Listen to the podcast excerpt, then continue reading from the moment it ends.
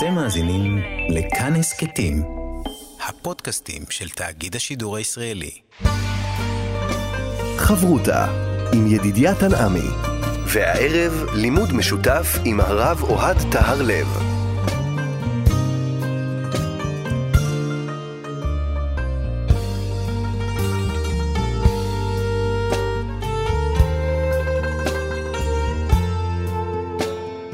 שלום, כאן מורשת, חבות הלימוד משותף עם רבנים ואנשי חינוך בנושא תנ"ך, הלכה ואמונה. הערב אנחנו לומדים אגדה יחד עם הרב אוהד תהרלב, ראש מדרשת אות לידנבאום מרבני בית הלל, וכאן ליד המיקרופון, ידידיה תנעמי, שלום לך, הרב אוהד תהרלב. שלום לך ידידיה, שלום למאזיננו.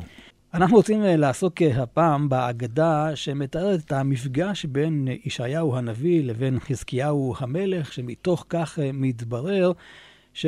לא כל דבר הוא סגור ונגזרה גזירה, אלא עדיין אפשר לבוא ולשנות.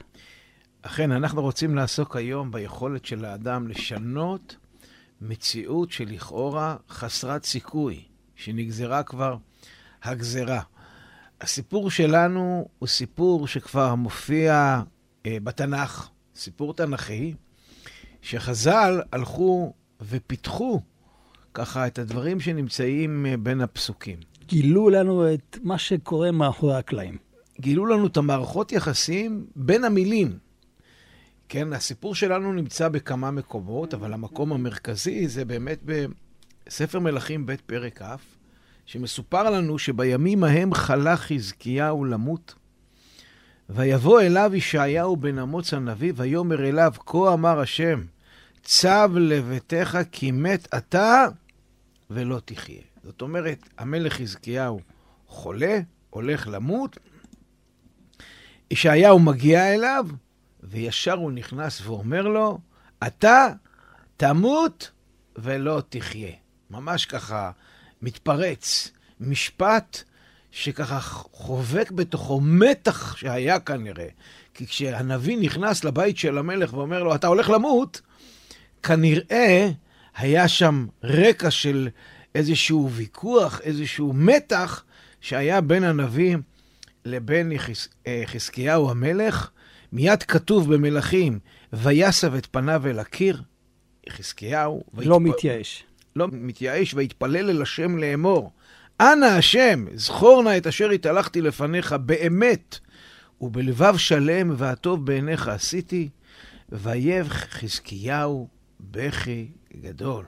בוכה מאוד מאוד מאוד מאוד מאוד. פשט הפסוקים שהוא הולך כנראה למות. ויהי ישעיהו לא יצא העיר חצר התיכונה, ודבר השם היה אליו לאמור. שוב, ואמרת אל חזקיהו נגיד עמי, כה אמר השם אלוהי דוד עבדיך, שמעתי את תפילתך, ראיתי את דמעתך, הנני רופא לך, ביום השלישי תעלה בית השם. והוספתי על ימיך 15 שנה. זאת אומרת, הוא מקבל עוד 15 שנה לחיות, ומכף מלך אשור אצילך, ואת העיר הזאת, וגנותי על העיר הזאת למעני ולמען דוד עבדי. אני לא מחריב את ירושלים כרגע. ויאמר ישעיהו, קחו דבלת תאנים, ויקחו וישימו על השכין, ויחי. זאת אומרת, חזקיהו המלך חולה מאוד, ישעיהו בא ואומר לו, אתה הולך למות? הוא לא מוכן לקבל את הגזרה, הוא מתפלל, הוא בוכה בכי גדול. הקדוש ברוך הוא אומר לישעיהו, לך תגיד לו, שמעתי את תפילתו ואת דמעתו. מוסיף לו עוד 15 שנים, וישעיהו לא יחריב את ירושלים. פה מופיע הסיפור בקצרה רבה. הגמרא במסכת ברכות בדף י עמוד א', מביאה את דברי רב אמנונה. אומר רב אמנונה, מהי דכתיב? מי כחכם ומי יודע פשר דבר? מי כהקדוש ברוך הוא, שיודע לעשות פשרה בין שני צדיקים, בין חזקיהו לישעיהו. זאת אומרת, רב אמנונה קורא לחזקיהו וישעיהו שני צדיקים, והוא הבין שהיה שם איזשהו ויכוח ויכוח חזק עם מתח עצום, שהיה צורך לגשר ביניהם, לעשות פשרה. ואומרת הגמרא, חזקיהו אמר, לית ישעיהו גבאי. דהכי אשכחן באליהו דעזה לגבי אחאב, שנאמר, וילך אליהו להראות אל אחאב. זאת אומרת, חזקיהו אומר, ישעיהו צריך לבוא אליי. אני מלך? אני המלך, הוא הנביא, אני פה הסמכות, לא בגלל כבודי, כי אני פה המלך. ככה מצאנו שאליהו, גם הנביא, הלך לאחאב. עכשיו, בל נשכח שחזקיהו הוא מלך שעושה הטוב בעיני השם. אחאב, הפוך. הפוך, ולמרות זאת אליהו בא אליו. ישעיהו אמר, ליתי חזקיהו גבאי. מה, שהוא, אני אבוא אליו? שהוא יבוא אליי. דאחי אשכחן ביוהרם בן אחאב, דאזל לגבי אלישע. הוא, המלך, הולך לנביא. זאת אומרת, כל אחד אומר שהוא יבוא אליי, למה שאני אבוא אליו? אני יותר חשוב. אני פה מסמל משהו שהוא צריך להכניע את עצמו אליי. מה עשה הקדוש ברוך הוא? הביא ייסורים על חזקיהו. זאת אומרת, זה מה ש... זה הגורם למחלתו, לייסוריו של חזקיהו, הוויכוח מי יבוא למי. ואמר לו לישעיהו, לך ובקר את החולה. שנאמר בימים ההם חלה חזקיהו למות, ויבוא אליו ישעיהו בן אמוץ הנביא. זאת אומרת, שים לב, חזקיהו נהיה חולה, ישעיהו בא אליו, למרות שאולי יכול להיות גם הפוך, שישעיהו יהיה חולה, וחזקיהו יבוא אליו. אבל לא, ככה עשה הקדוש ברוך הוא. ויאמר אליו, כה אמר השם צבאות, צב לביתך כי מת אתה ולא תחיה. שואלת הגמרא, מהי כי מת אתה ולא תחיה? מת אתה בעולם הזה, ולא תחיה לעולם הבא. איזה עונש. אתה גמרת את הקריירה שלך גם בעולם הזה וגם בעולם הבא. מדהים. הוא בא לבקר אותו הוא הרי. בא לבקר אותו, כן, הוא כאילו ישר גוזר את גזירתו. איזה דיכאון, איזה מין ביקור חולים זה. איזה מין מאור פנים אתה מביא, אתה הנביא, למלך. אמר למה יקרו להי? למה אני מקבל עונש כזה גדול? מה כבר עשיתי לא טוב? במה לא הייתי בסדר? אמר לי, משום דלא עסקת בפרייה ורבייה. אתה לא עסקת בפרייה ורבייה? כן, אתה לא תמשיך, אתה תיעצר. לא בעולם הזה ולא בעולם הבא, עוד מעט אתה מת. אמר לי, אומר לו חזקיהו, למה לא עסקתי בפרייה ורבייה? למה לא רציתי להתחתן? משום דחזי לי ברוח הקודש. ראיתי ברוח הקודש, דנפקא מיני בנים דלא מעלו. יצאו ממני בנים רעים, בנים לא טובים. אומר לו הנביא ישעיהו, בהדה כבשי דרחמנא למה לך? למה אתה עוסק בדברים כבושים, בדברים נסתרים? אתה לא צריך לעסוק. מאי דמפקדת היא באה אלך למעבד. ומה דניחא לקמי קדוש הבריחו, הוא לעביד. זאת אומרת, אתה צריך לעשות מה שמצווים אותך. והקדוש ברוך הוא יעשה מה שהוא רוצה. אל תעשה חשבונות שמיים. שמיים. מה יהיה, מה לא יהיה. אומר לו חזקיהו, השתא הב לי ברתך, אוקיי, תביא לי את בתך, אפשר דגרמה זכותה דידי ודידך, ונפקא מנין בנין דמעלו. אולי יצא מהם באמת בנים, תביא לי את הבת שלך, אני אתחתן איתה, ובעזרת השם, בזכות שנינו, יהיה לנו ילדים טובים, ובאמת הם לא יהיו אנשים רעים. אמר לי, כבר נגזרה עליך גזרה. זה לא יעזור הרעיון שלך. לא יעזור, הרעיון שלך הוא רעיון לא טוב. חזקיהו המלך כועס. אמר לי, בן אמוץ, כלה נבואתך וצא. פשט, תגמור לדבר, תגמור להגיד מה שהקדוש ברוך הוא אמר לך, וצא בחוץ. כך מקובלני מבית אבי אבא. אפילו חרב חדה מונחת על צווארו של אדם, אל ימנע עצמו מן הרחמים. מבית אבי האבא כמובן, זה דוד המלך. גם אם חרב חדה מונחת על צווארו, אדם צריך לבקש רחמים. הגמרא עוצרת פה את הסיפור, איתמר נמי, רבי יוחנן ורבי אליעזר, יש פה עוד גרסה רבי אלעזר, דאמרית רוויו, אפילו חרב חדה מונחת על צווארו של אדם, אל ימנע עצמו מן הרחמים שנאמר, אין יקטלני, לא היחל. באים להרוג אותי, אני מתפלל. מתפלל. פה יש גרסה שלא מופיעה בגמרות שלנו, אבל מופיעה בחלק מהגמרות, בגמרות שלפנינו היא לא נמצאה, שלבסוף, יאיב לברטי, באמת, ישעיהו נתן לו את ביתו, נפק מיני מנשה ורב שקה. יום אחד ארכבינו הכתפי לאמתוני לי לבית מדרשה. חזקיהו לוקח אותם לבית מדרש על הכתפיים. אמר חד מיני, חד מהם, חזי רישא דאבא, למיתווה בגלדני. תראה את הראש של אבא.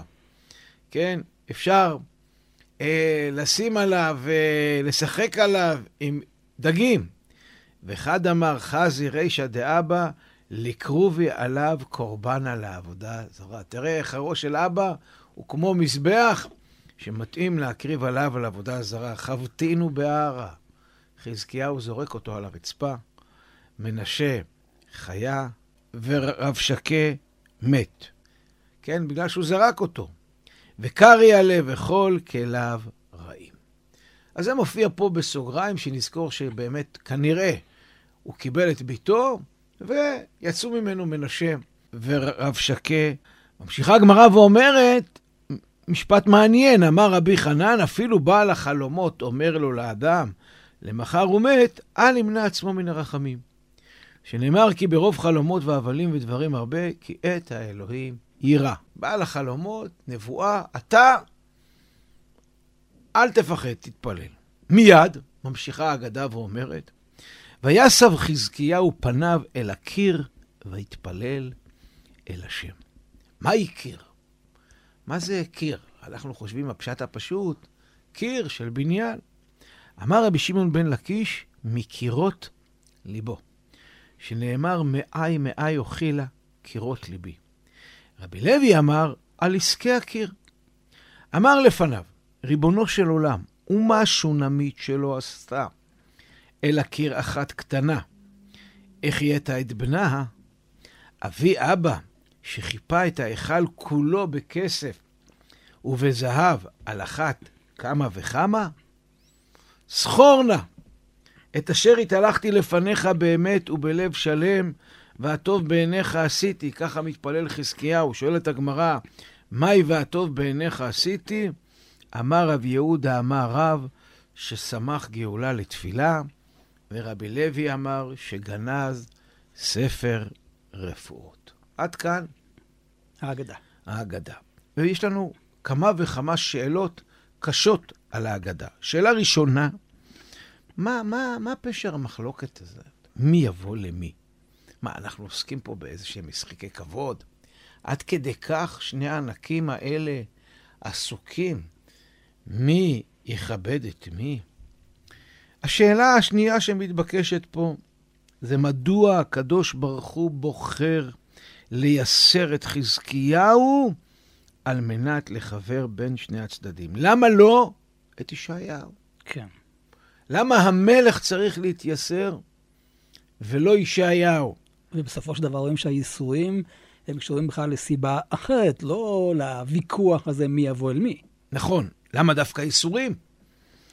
מדוע מגיע עונש כל כך כבד, שהוא ימות גם בעולם הזה וגם בעולם הבא, למי שבוחר לא לקיים מצוות פריאה ורבייה? למה? מה המשמעות של המשפט בהדי דקפשא רחמנא למה לי? אל תעסוק בדברי נסתרות, בדברים הנסתרים. למה לא? למה, למה בעצם שאני לא אקח את זה בחשבון? מדוע? מדוע אני לא יכול אה, לעסוק קצת במיסטיקה, במטאפיזיקה, בחלומות?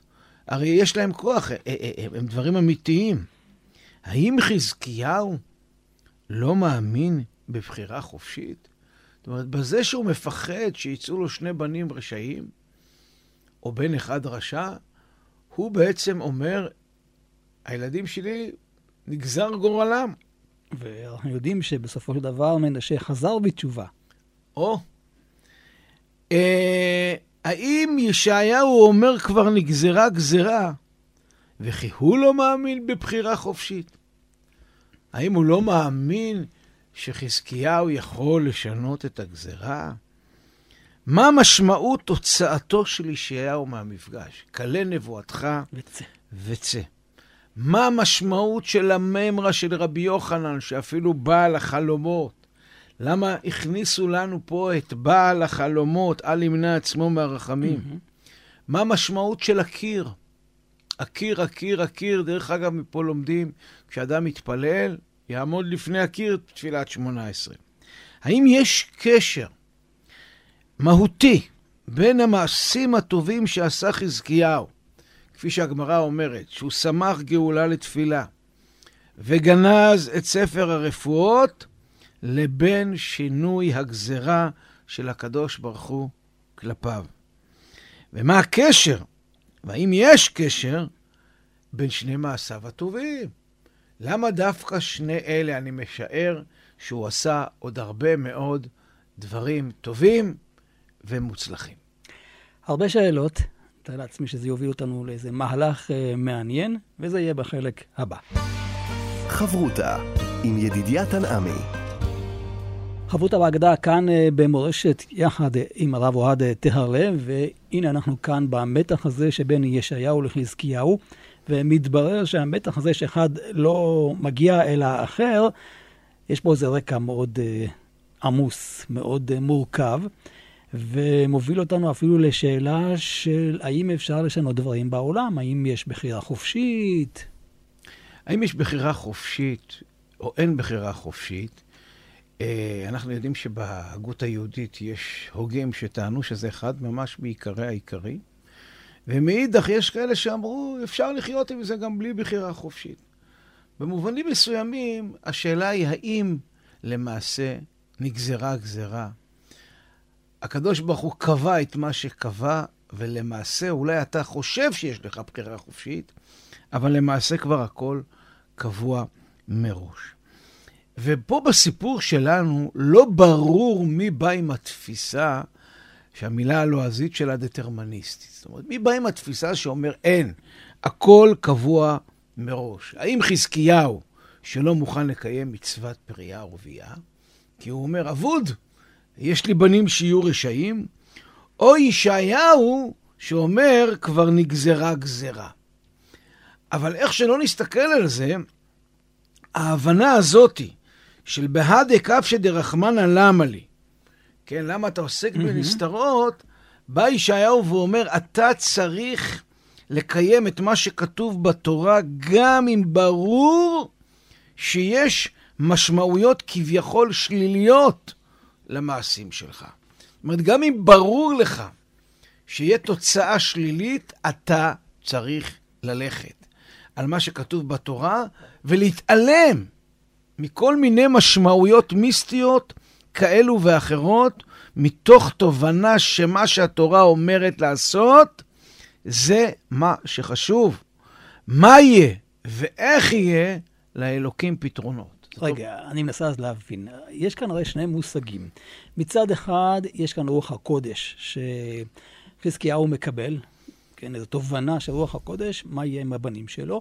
מצד שני, ישעיה הנביא בא עם נבואה. זה גם משהו שהוא קשור לרוח הקודש. כלומר, שניהם באים מהצד המיסטי, ועל פי זה מחליטים איך לקיים, איך לדרוש.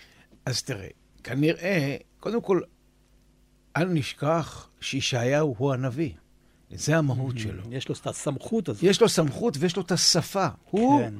זה שאומר את הדברים המיסטיים, מביא אותם לעולם. זה שאדם חווה חוויה, מקבל רשמים, רוח הקודש, חושב, עדיין לא צריך לשנות את המציאות. עכשיו, יש עוד הבדל. ישעיהו יכול להגיד מה יהיה, כמה יהיה, אבל ישעיהו לא יכול להגיד, אל תקיים את המצווה. כן, או נכון. כן תקיים את המצווה. חזקיהו חייב לקיים את המצווה. ב- בלשון אחרת, לא בשמיים היא. אתה חייב לעשות מה שהתורה אומרת לך. זאת אומרת, גם אם יש לך עוד קול פנימי שאומר הפוך, בקונפליקט בין שתי הקולות, קול פנימי שאומר ככה וככה, חוויה, תחושה, חזון, לא משנה מה, חלום, מול מה שהתורה אומרת, תמיד התורה צריכה ל- ל- להיעשות. ציוויי התורה, ההלכה, אין, אתה לא יכול לברוח גם אם זה סותר, ואתה בטוח, בטוח, בטוח. כן. במילים אחרות, אני אגיד את זה קצת בצורה קצת יותר, יותר אה, קיצונית, בקונפליקט בין מה התורה אומרת למה הקדוש ברוך הוא אומר, אתה חייב לעשות מה שהתורה אומרת. לא מה שהקדוש ברוך הוא אומר. כן, אני בכוונה מקצין כן, את זה. כן. כי אתה, כשאתה יש לך את ההתלבטות הזאת, התשובה היא מאוד ברורה. אני הנביא, אני הוא זה שמביא את, את, את דבר השם. אנחנו יכולים לראות פה רמזים למקבילה לעוד אדם שרצה מאוד להגשים את חלומותיו, יוסף, יוסף. ראשית, בעל החלומות, כן, אפילו, ש... איך, איך, איך הגמרא אומרת שהיא מביאה את דברי רבי יוחנן, אפילו שבעל החלומות אומר ככה וככה. יש לנו עוד רמז, מנשה. גם לבנו של אה, יוסף יפה. קראו מנשה, כי נישני מבית אבי.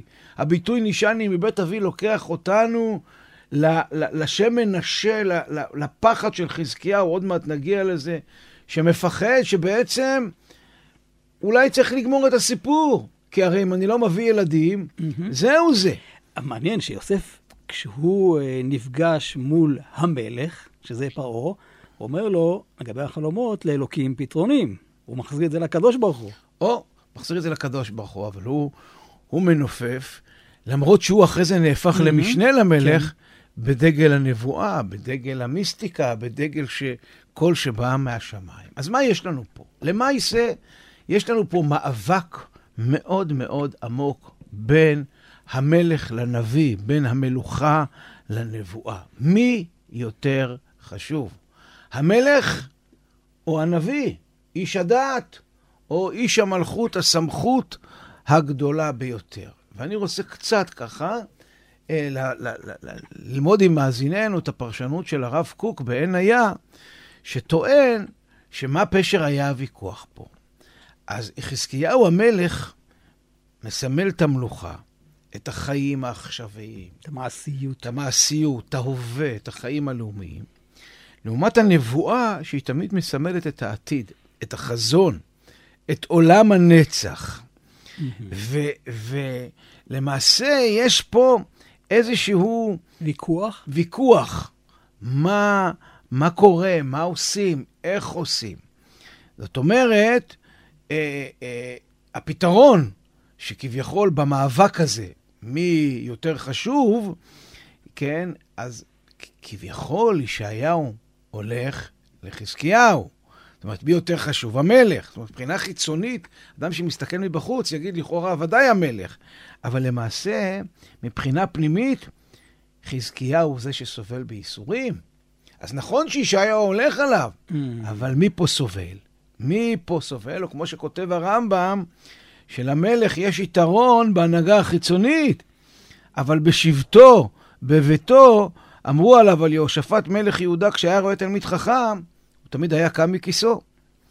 ולכן כנראה חזקיהו לא רצה להוליד ילדים, כי הם עתידים להיות מושחתים, כדי שלא תהיה מציאות שהמלכות והשלטון יהיה מושחת, ובעצם לא יהיה רלוונטי ויאבד את כוחו. זאת אומרת, הוא הבין שמלכות מושחתת תלך לאיבוד.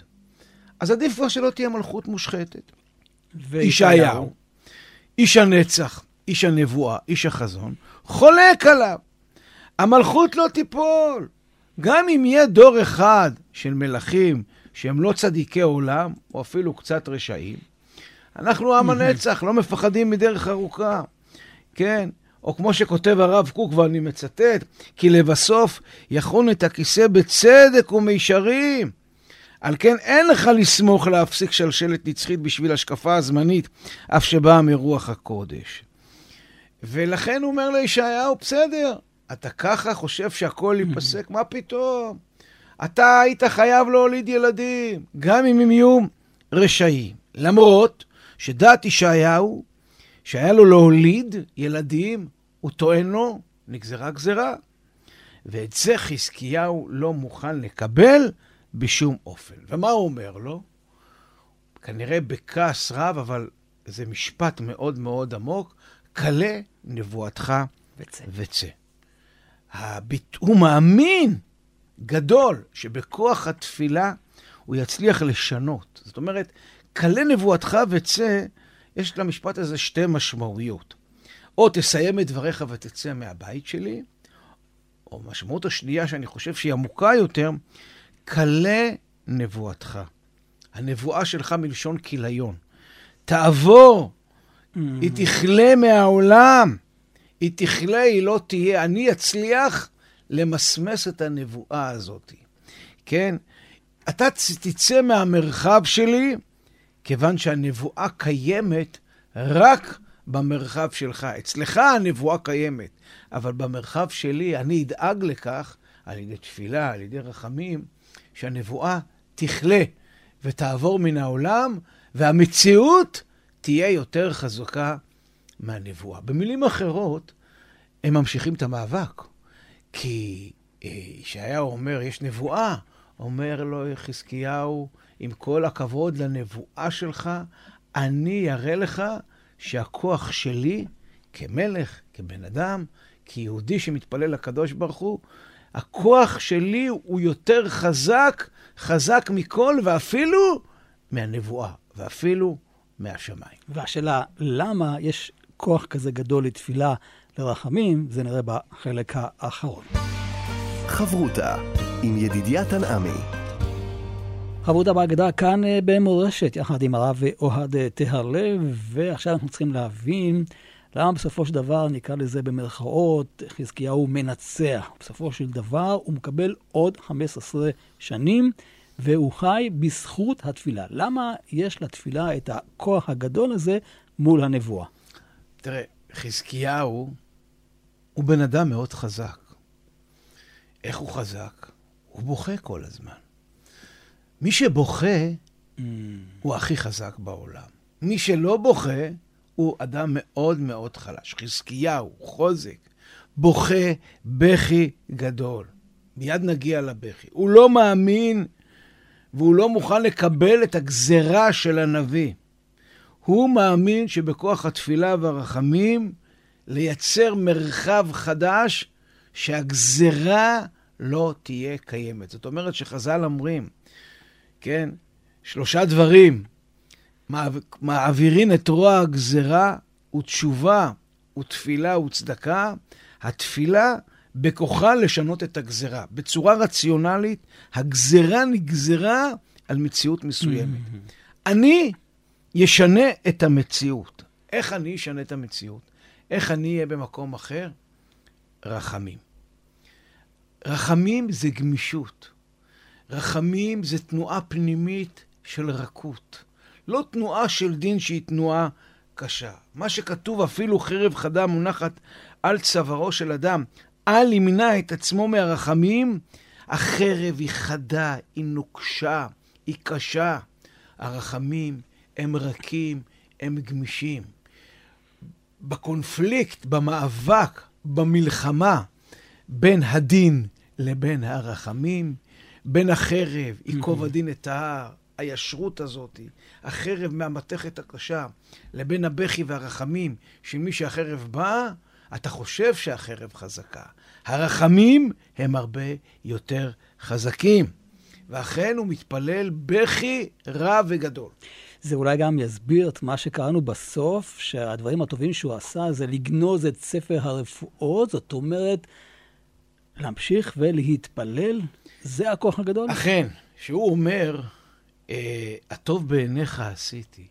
וחז"ל שואלים, מה הוא עשה? הרי זה התפילה שלו. זאת אומרת, בכוח התפילה שלו, הוא למעשה אומר, מקבל עוד 15 mm-hmm. שנה חיים. הוא בעצם מתרפא. לא רק זה, הוא גם דואג להציל את עם ישראל, כי, כן. כי מלך אשור לא מגיע. מה זה הטוב בעיניך עשיתי? מה הטוב בעיניו של הקדוש ברוך הוא? שמיכת גאולה לתפילה וגניזת ספר רפואה. בשניהם יש קשר הדוק לתפילה. כן? גניזת ספר רפואות, הוא גנז, לא שהוא לא האמין בכוח הרפואה, כי הרי הרמב"ם אומר, מה האדם, הרופא הוא שליח של הקדוש ברוך הוא, אדם חולה בחלי החולי הרעב, הוא לא ילך לאכול? בוודאי שכן, בוודאי שהוא האמין בכוח הרופא. אלא חזקיהו אומר, יש מצבים שאני צריך שאנשים יבכו, שאנשים יבקשו רחמים, שאנשים יתפללו, כי זה הכוח היותר חזק מכל רפואה, ולכן הוא גנז את ספר הרפואות. ושמיכת גאולה לתפילה. למה? למילה שמיכה יש שתי משמעויות. משמעות אחת, נצמיד. להצמיד, אבל משמעות שנייה, לסמוך, להישען. וואו. זאת אומרת, הגאולה עצמה נשענת על מה? על התפילה. על התפילה. כי כשאדם מתפלל ומוציא את מילות ואותיות התפילה מפיו, הוא למעשה מייצר מציאות חדשה. כמו שהקדוש ברוך הוא ברא את עולמו. כן, לעולם השם דברך ניצב בשמיים. האותיות האלה, המילים האלה שאנחנו מוציאים מהפה, מייצרות חיות בעולם ומבקשות לחולל שינוי במציאות. התודעה הזאת של האותיות, הנותנות חיות, באה לידי ביטוי בכוונה של התפילה ובתודעת מוצא פי השם.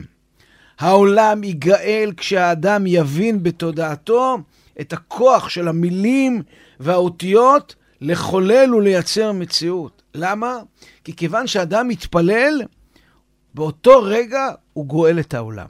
הוא גואל את העולם בתפילתו על ידי המילים, זה בתנאי שהוא מאמין בזה, שהם משנים, הן מחוללות uh, מציאות. והתודעה הזאת היא החלק שיש לאדם בעולם הבא, כיוון שהעולם הבא הוא עולם בעל תודעה רוחנית עמוקה של אותה חיות שנמצאת בכל דבר. היא-היא החיות עצמה. ולכן חז"ל ראו את החיבור הזה של גאולה לתפילה, לא רק במובן הפשוט של קרוב, של סמך, סמוך, אלא של נשען על התפילה. כשאדם מתפלל, יש גאולה בעולם. וכל זה קורה דווקא על ידי הבכי הגדול של חזקיהו. שהוא בוכה מקירות ליבו. הוא בוכה של זה? מקירות ליבו. אה, אה, מה, זה, מה זה הקיר הזה? מה זה קירות ליבו? זה משפט אה, מאוד קשה, אני קצת ככה חפרתי בפרשנים, אז, אז הרב קוק כותב מאוד יפה, יש את חלל הלב ויש את הקיר של הלב. כן, אבל קירות הלב לקחו אותי לקירות הבית. הרי אנחנו מתפללים ליד קיר הבית. מה המטרה של קיר הבית? קיר הבית זה המקום שמגן על האדם. זה המקום שעליו הגג עומד, זה המקום כביכול הכי יציב, הכי חזק, הכי איתן, שמבדיל בין uh, הדברים הרעים שנמצאים בחוץ, בין הרוחות mm-hmm. החזקות, לבין מה שקורה בפנים. ודווקא הדבר החזק הזה, קירות הלב, למעשה הלב שלנו, בניגוד לקיר, הוא כל הזמן פועם, הוא כל הזמן רך, הוא כל הזמן זז, הוא כל הזמן עובד. והבכי של חזקיהו, כפי שככה רמזנו בהתחלה, מבטא עוצמה וכוח בלתי רגיל. למה? אני יודע שבדרך כלל, הייתה תקופה פעם, שמי שבכה, ראו אותו כ... ראו את הנשים כבוכות. גברים, הם אה, לא נאה, היו שמים משקפי שמש בלוויות אה, שלא יבכו. אה, אבל האמת היא שבכי מסמל חוזק גדול. למה? כי אתה יודע, אנחנו, כמו שאנחנו אומרים, אדם שמבצר את ביתו ובונו, אם במכנים ובמבצרים, פירושו של דבר שאתה מפחד פחד אטומי. כי יש לך צורך יפה. לבנות חומה חזקה. אדם שבוכה ולא מפחד לבכות, הוא פותח את הכל, אין לו חומות. הוא מחובר לרגש שלו, אין לו בעיה. זה מה שהוא מרגיש, ולכן הוא חזק מאוד, כי הוא לא מאוים, הוא לא מפוחד משום דבר, לא אכפת לו מה אומרים עליו, והוא נותן לרגשות שלו לזרום. חזקיהו, קראו לו חזקיהו. למה? כי זה היה החוזק שלו. בכי גדול, והוא בכוח הדמעה מצליח לחולל ולשנות את גזר הדין שלו בוודאי, כן?